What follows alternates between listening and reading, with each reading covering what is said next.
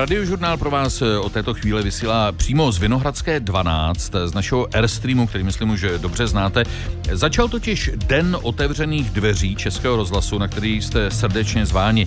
Odtud z Airstreamu na Vinohradské budeme vysílat mimo jiné hosta Lucie Výborné po desáté hodině s herečkou Vilmou Cibulkovou. Teď ovšem, jak už bylo řečeno, začíná experiment.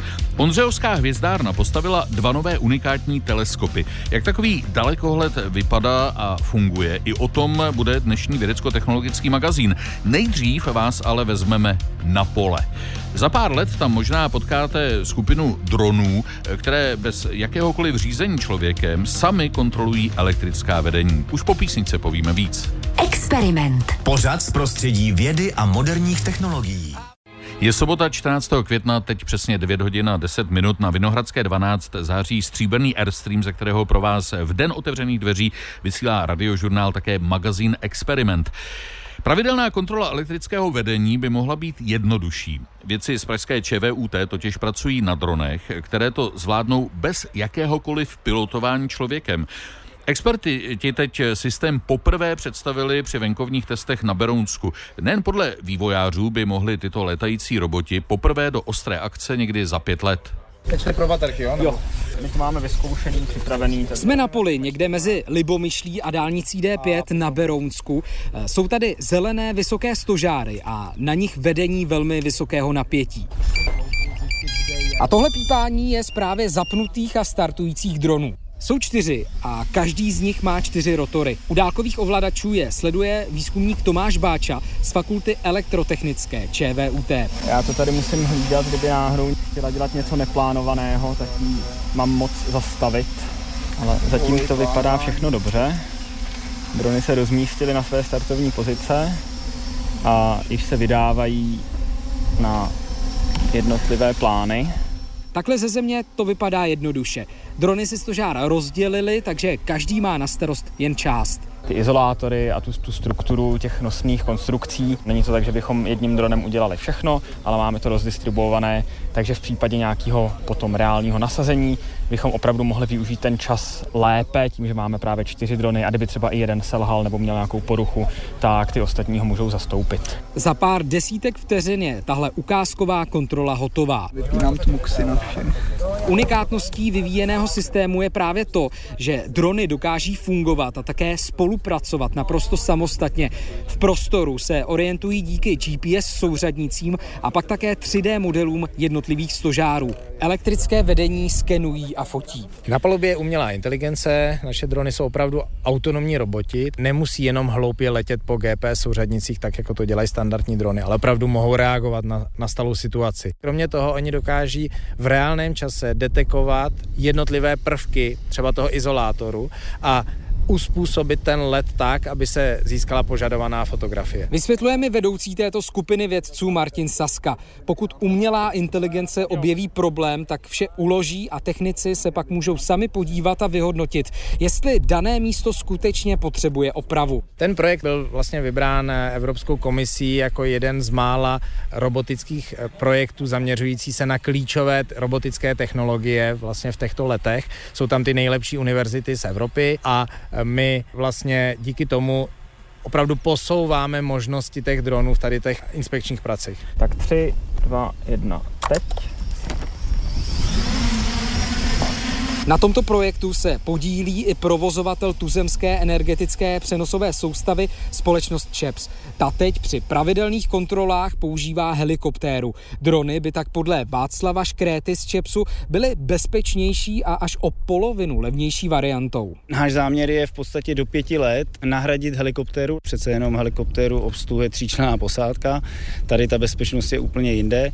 A další věc je ekonomická. Ty letecké kontroly, kdyby se podařilo nahradit úplně autonomně, tak by to bylo úžasné. Nicméně myslím si, že ten první krok bude takový poloautonomní krok, kdy po částech vedení se budou kontrolovat ty vedení, nicméně ještě je tu velký problém s legislativou. Autonomní drony by teoreticky mohly najít využití i při skenování poškozeného elektrického vedení po přírodních katastrofách. Z Berounska Ondřej Vaňura, Radiožurnál. Na věžích Karlova mostu v Praze se večer objevily dva lasery svítící proti sobě. Za podívanou stojí experti z centra Eli Beamlines v Dolních Břežanech. Vše zopakují ještě dnes. I tímto způsobem oslavují Mezinárodní den světla, který připadá na 16. května. Kromě toho navíc odpoledne můžete zavítat do jejich laboratoří. Vše teď v magazínu Experiment probereme s Michálem Víchem z laserového centra Eli Beamlines. Dobrý den. Dobrý den. Nejdřív eh, vy jste do našeho Airstreamu přinesl ukázat koutový odražeč, eh, což je takové hm, malé zrcátko. K čemu slouží? Eh, je to takové malé zrcátko nebo spíš soustava zrcátek a slouží k tomu, že ve chvíli, kdy vystřelíte laserem právě proti tomuto koutovému odražeči, tak se ten laserový puls vrátí přesně na to místo, odkud jste vystřelili. Eh, asi jeho nejlepší použití je na měsíci, kdy uh, američtí astronauti na konci 60. let a na začátku 70. několik takových koutových odražečů na měsíci nechali mm-hmm. a díky tomu do dnešních dnů můžeme přesně měřit vzdálenost měsíce od planety Země, protože vystřelíme laserový puls ze Země, víme, jak dlouho tam letí, takže přesně se dá změřit i vzdálenost, jak pomalu se měsíc vzdaluje od Země. Takový přesný optický bumerang. Něco takového, přesně tak. Já jsem to vzal do ruky, nevadí, je to eh, drahá věc, eh, kdybych to náhodou Je to velice rozbil. drahá věc, na tom měsíci samozřejmě mnohem větší než ten, který máte v ruce a cítíte, že to je velice těžké zařízení, hmm. to znamená, že toho skla a té optiky je tam velmi mnoho. No ale už i vzhledem k firmě, která tady je napsaná, tak to budí, eh, myslím, docela důvěru, takže funguje to dobře. Ona je to velmi sofistikovaná věc, takže hmm. vyrobit to samozřejmě umí jenom několik firm na světě. A vidíte, vypadá to tak jednoduše. Vy v centru Eli Beamlines v Dolních Břežanech dnes odpoledne představíte, řekl bych, o dost modernější technologie. Na co se třeba můžeme těšit? Laserové centrum Eli Beamlines má čtyři laserové systémy, takže budeme těm návštěvníkům, kteří se k nám dnes odpoledne podívají, ty čtyři systémy jim ukážeme. Nedostanou se přímo až k ním, protože jsou v čistých prostorách, kam může jenom pár lidí, ale mm-hmm. uvidí je přes okna. Uvidí samozřejmě i ten náš nejintenzivnější laser, který má výkon 10 petawatů, což je jednička a 16 nul. Dobře, takže pořád nevím, co to znamená. 5 milionů eh, jaderných elektráren Temelín, takže obrovská energie. A to máte všechno u vás v Dolních Břežanech? To všechno máme u nás v Dolních Břežanech. Přesně tak. Pak samozřejmě budou nějaké odborné přednášky o tom, co je to laser, o tom, co vlastně jakoby jsou vědecké cíle laserového centra Eli Beamline. Samozřejmě si lidi můžou vyzkoušet různé laserové systémy. Máme tam například nafouknutou jednu velkou naší komoru, do které s pomocí augmentované reality a brýlí se můžete jít podívat a uvidíte vlastně přes ty brýle přesně tu komoru, tak jako kdyby se se do ní mohli dostat, ale to bohužel je samozřejmě Aha. vzhledem k tomu, že jsou to čisté prostory dovoleno jenom pár lidem. Vidíte, možná příště na dní otevření dveří bychom takhle mohli simulovat newsroom radiožurnálu, kam z pochopitelných důvodů se nepodívají posluchači, jenom taky je přesto sklo. Eh, tak eh, to je docela možná dobrý nápad. Eh, Beru vás za Tak jo, ale zase, když se vrátíme zpátky k vám do laserového centra Eli Beamlines, tak lidé si tam mohou přinést i vlastní lasery. Co s nimi budete dělat?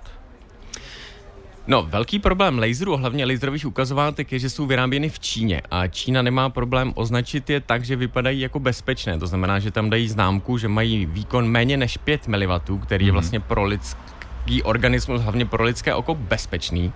Bohužel většina z nich má dost vyšší výkon, než opravdu je tam napsáno. To znamená, že lidem umožníme, aby přinesli svá laserová ukazovátka, hodně třeba učitelů nebo i dětí dneska ta laserová ukazovátka má a přeměříme jim je a zjistíme, kolik skutečná energie nebo ten výkon toho mhm. daného ukazovátka je. Měl by mít méně než 5 mW, pokud má více, už by se měly používat nějaké ochranné prostředky, takže třeba brýle. Problém je, že samozřejmě, říkal jsem, jsou vyráběny dost, dost často v Číně nebo v podobných zemích, takže ten výkon je mnohem, mnohem větší. Měli jsme jednou laserové ukazovátko, které mělo výkon skoro 78 mW, což už je pro oko opravdu nebezpečné. Co pro takové případy radíte? Nepoužívat vůbec, nebo s těmi pomůckami, nebo koupit uh, ověřenější?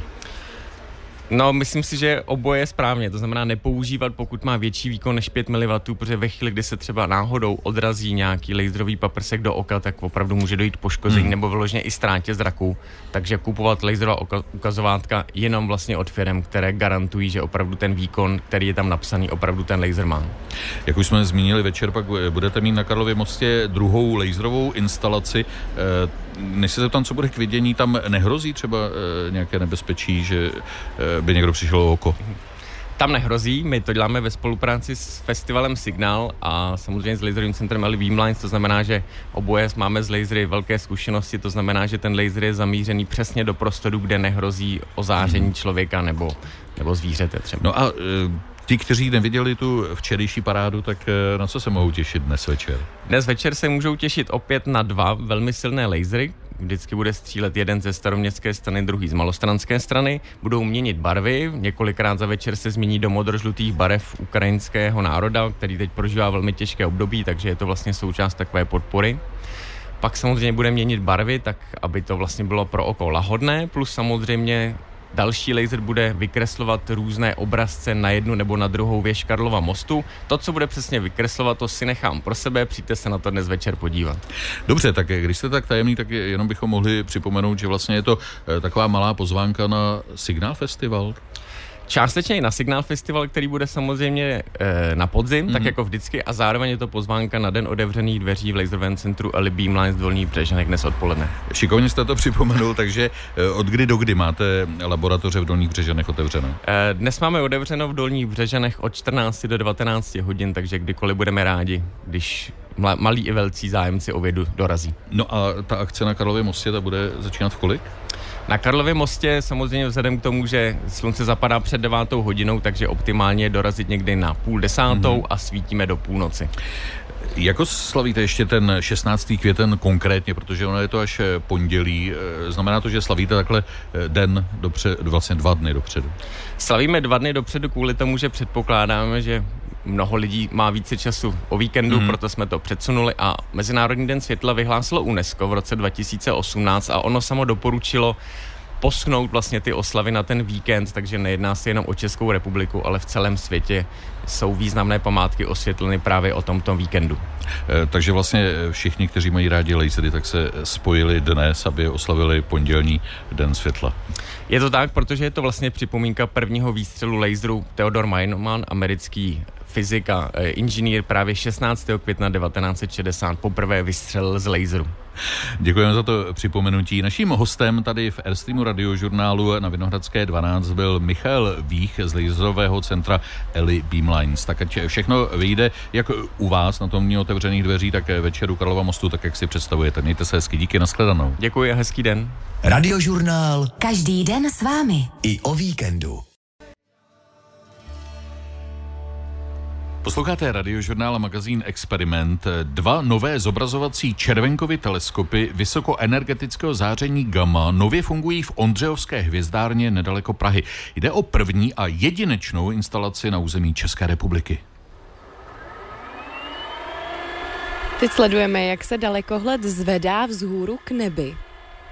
Se mnou je tu taky ředitel Fyzikálního ústavu Akademie věd České republiky Michal Prouza. Jak vůbec ty dalekohledy fungují? Tak ty dalekohledy ku podivu nepozorují superenergetické fotony, které přilétají ze smíru, protože před těmi velice energetickými fotony u nás vlastně chrání naše atmosféra takže nedoletí až na zemský povrch, až do našich dalekohledů, ale už někde 10-15 kilometrů nad zemským povrchem vznikne jakási sprška kosmického záření a v té vzniká i typické modravé červenkovo záření.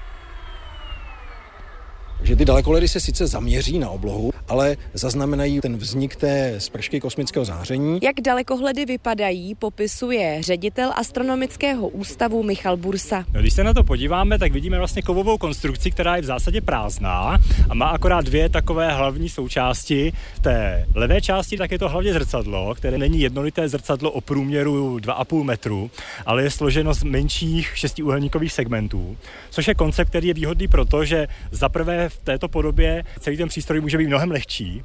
Za druhé to má mnohem větší přesnost a lépe fokusuje to světlo potom do té kamery, což je právě ta druhá část. A v čem je ta kamera vlastně speciální? Typicky kamera, která je v astronomických přístrojích, je CCD kamera, to známe z fotoaparátu, když to tady potřebuje kameru, která se vyčítá přibližně milionkrát rychleji, než je schopna se vyčítat právě ta kamera, co je v mobilních telefonech. Oba dalekohledy tu ale budou dočasně, jak říká profesor Ondřej Haderka z Univerzity Palackého v Olomouci. Pro pozorování toho gamma záření je důležitá vysoká nadmořská výška. Tady se ty systémy dokonale otestují, ale časem zřejmě poputují na nějaké vhodnější místo na země kouli, kde se stanou součástí rozsáhlejší observatoře. V Čechách by měly zůstat zhruba dva roky. Z Ondřejovské hvězdárny Karolína Burdová, Radiožurnál. Je to 42 minut, co jsme otevřeli dveře Českého rozhlasu pro naše posluchače. Zatím vypadá, že jich přichází hodně. Ostatně měli jsme dvou letou pauzu v dní otevřených dveří. Takže pokud máte čas, můžete zavítat k nám do budovy Českého rozhlasu do Římské 13 nebo Vinohradské 12. Tady stojí také náš Airstream, se kterým jezdíme různě po republice vysílat. Dnes tedy vysíláme z Vinohradské 12 a to experiment na radiožurnálu. Teplé počasí a vysoká proočkovanost jsou podle odborníků hlavním důvodem radikálního poklesu počtu nakažených covidem. Koronavirus SARS-CoV-2 je ale mezi lidmi stále, jen nespůsobuje takové zdravotní problémy jako v předešlých měsících. Podle vědců ale vir ještě neřekl poslední slovo a na podzim se v nějaké podobě zřejmě vrátí. V nejbližších týdnech a měsících si ale můžeme užívat normálního léta, protože koronavirus SARS-CoV-2 tady sice s námi bude pořád, ale podle viroložky Ruth Tachezi o něm skoro nebudeme vědět. Já si myslím, že nakažení lidi budou, ale nebudou prostě symptomatičtí, jo, nebo nebudou mít vůbec žádné závažnější průběhy. Může stále ta nastavená imunita, jo, ta ochrana může fungovat, což by byla ta ideální varianta, protože to, že ten virus se přestane měnit, je asi dost nepravděpodobné. Můžeme doufat, že tím mírnějším stylem, ale nemůžeme vyloučit, že se objeví něco nového. Takže pokud se toto nestane, tak eh, bych řekla, že léto bude zase klidné a já bych dokonce ani při neobjevení se nového viru neočekávala nějakou zásadní podzimní vlnu.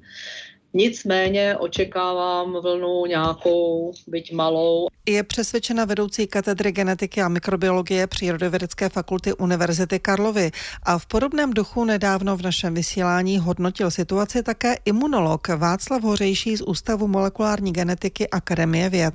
Perspektiva je taková, že po létě, které pravděpodobně bude velmi dobré a podobně jako tomu bylo v loňském roce, tak eh, na podzim bychom se mohli zase dočkat nějaké už třeba malé, ale přesto nepříjemné třeba vlny dalšího onemocnění právě proto, že ta populace už se vlastně vzhledem k té obraně proti tomu viru zhorší, protože poklesne ta ochranná funkce. Právě to teď nastává v Číně, kde aktuálně stoupá počet nakažených, na což tamní vláda reaguje přísným lockdownem, protože jejím cílem je země bez covidu.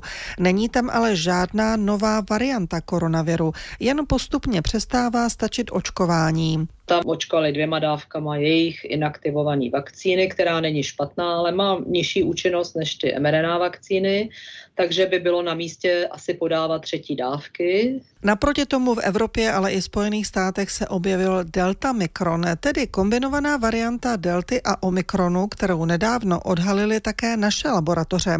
Odborníky to úplně nepřekvapilo, protože Omikronová varianta se šířila doslova rychlostí blesku, zatímco Delta ještě nestačila úplně vymizet. Jestliže máme velké procento infikovaných, tím se zvyšuje pravděpodobnost, že jeden člověk bude mít v sobě dva viry a také teda, že se ty dva viry musí dostat do stejné buňky. Samozřejmě je to teda podměno i tím, že ty dvě varianty společně běhají v té populaci ve stejnou dobu. Takže se zvyšuje pravděpodobnost, že ten člověk se nakazí oběma variantama a ty si mezi sebou vymění ku svého genomu. V tomto případě je podle doktorky Ruth Tachezy důležité, že S-protein, jehož pro prostřednictvím se vir dostává do našeho těla, má omikronovou strukturu, takže delta mikron nespůsobuje lidem velké zdravotní problémy. Ten spike je z Omikronu, takže se jakoby lépe váže, může vstupovat i jiným trochu mechanismem a právě s tím souvisí to, že se drží spíše v horní části toho dýchacího traktu